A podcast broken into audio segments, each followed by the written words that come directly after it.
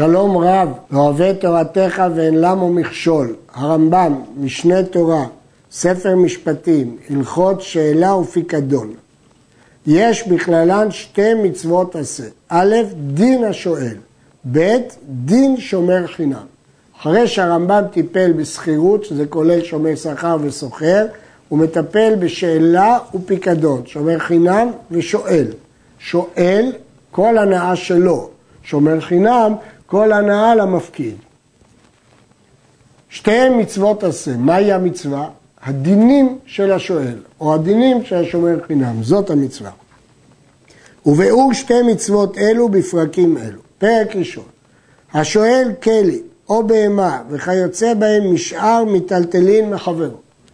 ועבד או נגנב, אפילו נאנס אונס גדול, כגון שנשבע או נשברה הבהמה או מתה, חייב לשלם הכל. שנאמר וכי ישאל איש מהם רעהו ונשבר ומת או מת, בעליו אין עמו, שלם ושלם. אם בעליו לא עמו, השואל חייב לשלם על כל מה שיקרה, אפילו אונס גמור.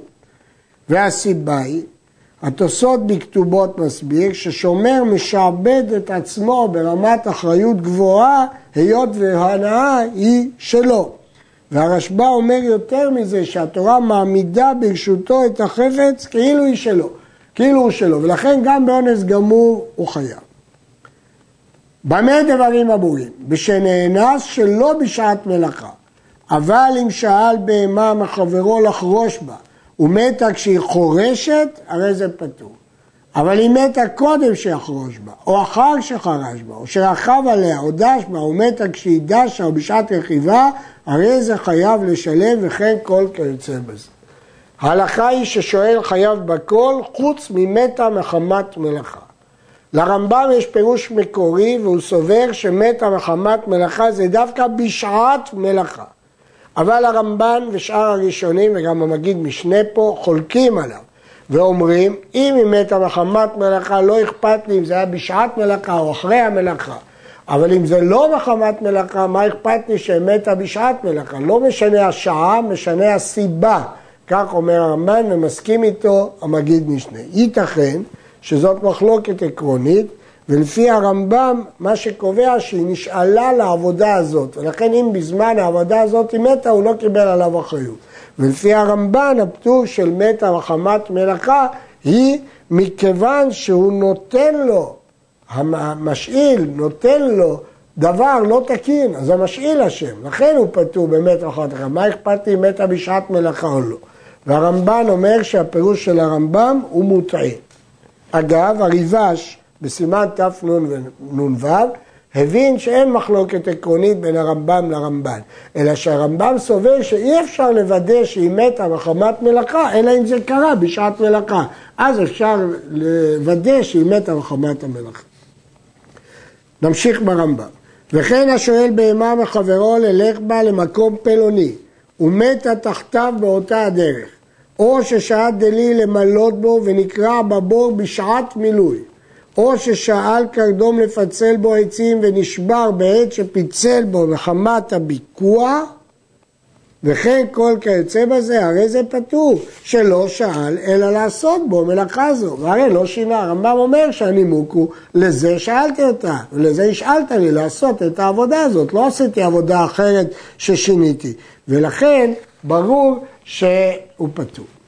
השואל בהמה מחברו הוא מתה. עכשיו יש ויכוח. טען השואל שבשעת מלאכה מתה. מי צריך להוכיח? אם היה מקום ששאלה ללך בו מקום שבני אדם מצויים שם, יש הרבה עדים, יביא ראיה שמתה או נאנסה בשעת מלאכה ושלא שינה בה וייפטר, ואם לא הביא ראיה, משלם. כבר למדנו שהגמרא דורשת מהפסוק אין רואה, האם יש רואה הוא חייב להביא את העדים. אם זה היה במקום שיש הרבה אנשים, אז חזקה שראו את זה, למה לא ראו? אם לא ראו זה ראותה, ולכן אם לא הביא ראיה, משלם. שאלה ממנו למלות בה בתוך חורבתו שאין העדים מצויים שם, או ששאל ממנו דלי למלות בו בתוך ביתו ונקרע בבור, פה הוא לא צריך להביא ראייה. אם הביא ראייה, ייפטר אף משבועה, ואם לאו, יישבע השואל שבועת השומרים שמתה מחמת מלאכה וייפטר, וכן כל כיוצא בזה. השואל כלי מחברו ונשבר, שמין לו כדרך ששמין לנזקים. מה הפירוש? לא יכול המשאיל להגיד לו, תביא לי כלי כמו שהשאלתי לך. לא. עומדים כמה היה שווה שלם וכמה הוא שווה עתה, הוא מחזיר לו הכלי או הבהמה השבורים ומשלם הפחת. כמו שלמדנו בשור שנגח את הבהמה, שהוא נותן לו את הנבלה, בעלים מטפלים בנבלה, גם פה הוא נותן לו את הכלי השבור ומשלם לו רק את ההפרש. וכן אם מתה הבהמה, מחזיר הנבלה ומשלם הפחת. דינו כדין מזיק, שזה לא להחזיר את עצם החפץ, אלא את הבלאי השבור ואת ההפרש. השואל בהמה חייב במזונותיה משעה שמשכה עד סוף ימי שאלתה. המשיכה היא רגע החיוב, היא רגע הקניין. וכך גם שיטת רש"י והתוספות שהמשיכה חייבת בשומרים. הראש חולק וכותב שהתחייבות השומר חלה משעה שהסתלקו הבעלים משמירתה. השולחן ערוך חושב משפט פסק כהרמב"ם והרמה פסק כראש.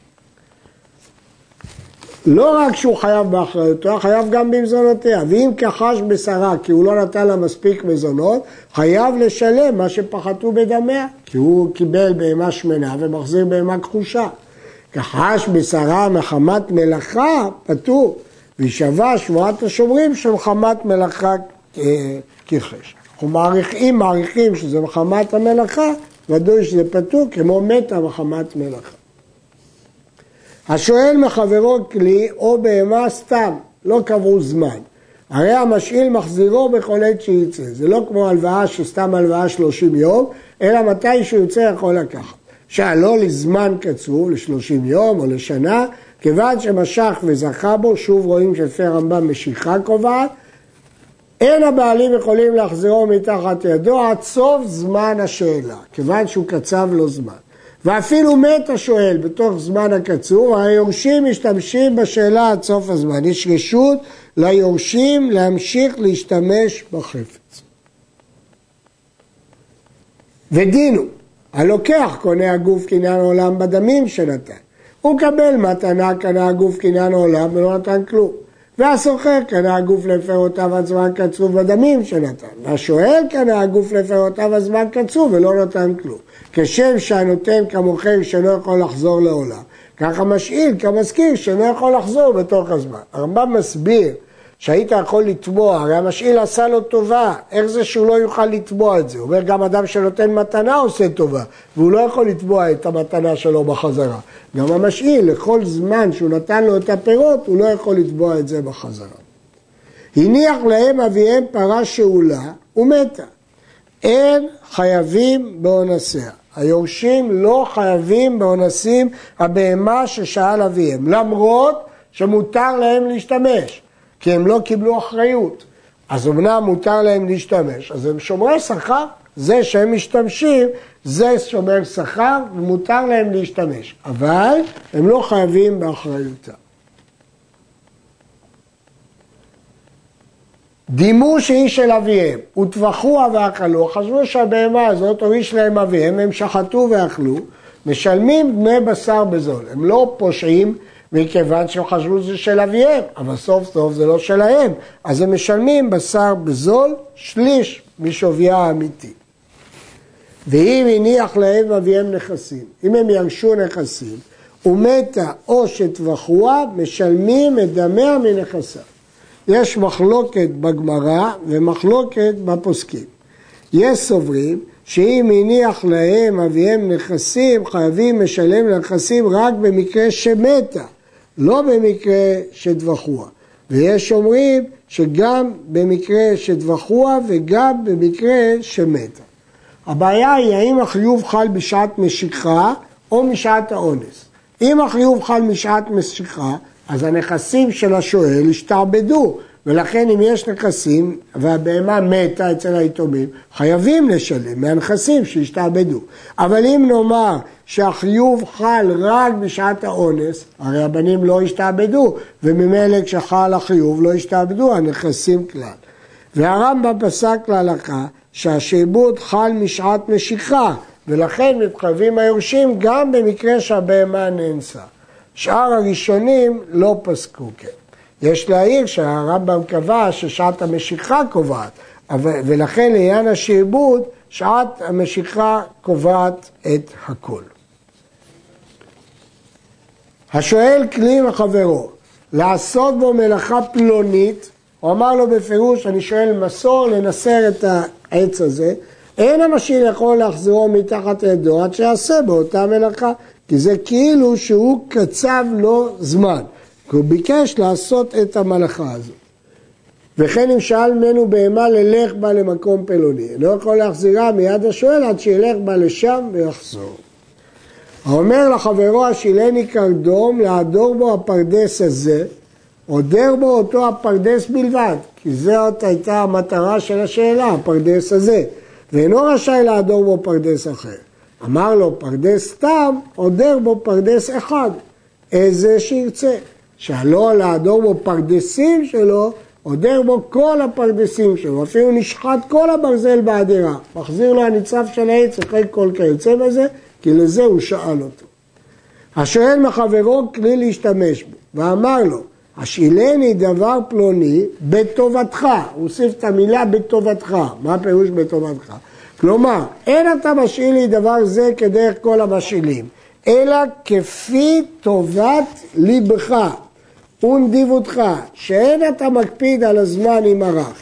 אם קנו מיד המשאיל על זה, עשו על זה קניין סודר על ההתחייבות הזאת, הרי השואל משתמש בו לעולם, עד שיבטל הכלי מלעשות מלאכתו ויחזיק בו שמריו או שיעריו.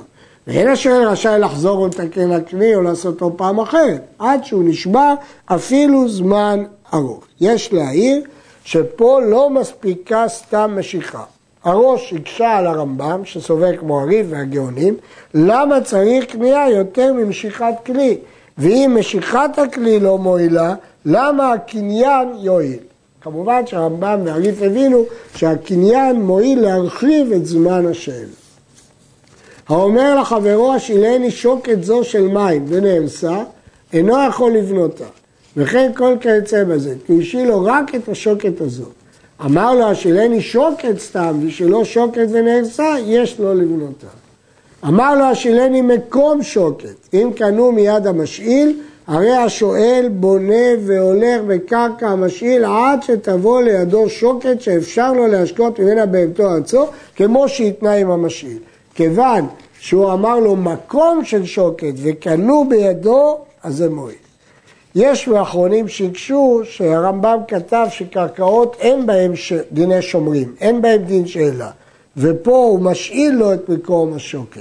לכן בהלכה הבאה הוא אומר שמשאיל לו פונדק. הכוונה היא, תשובה היא שגם מקום השוקת, הכוונה מקום לבנות שוקת, לא קרקע.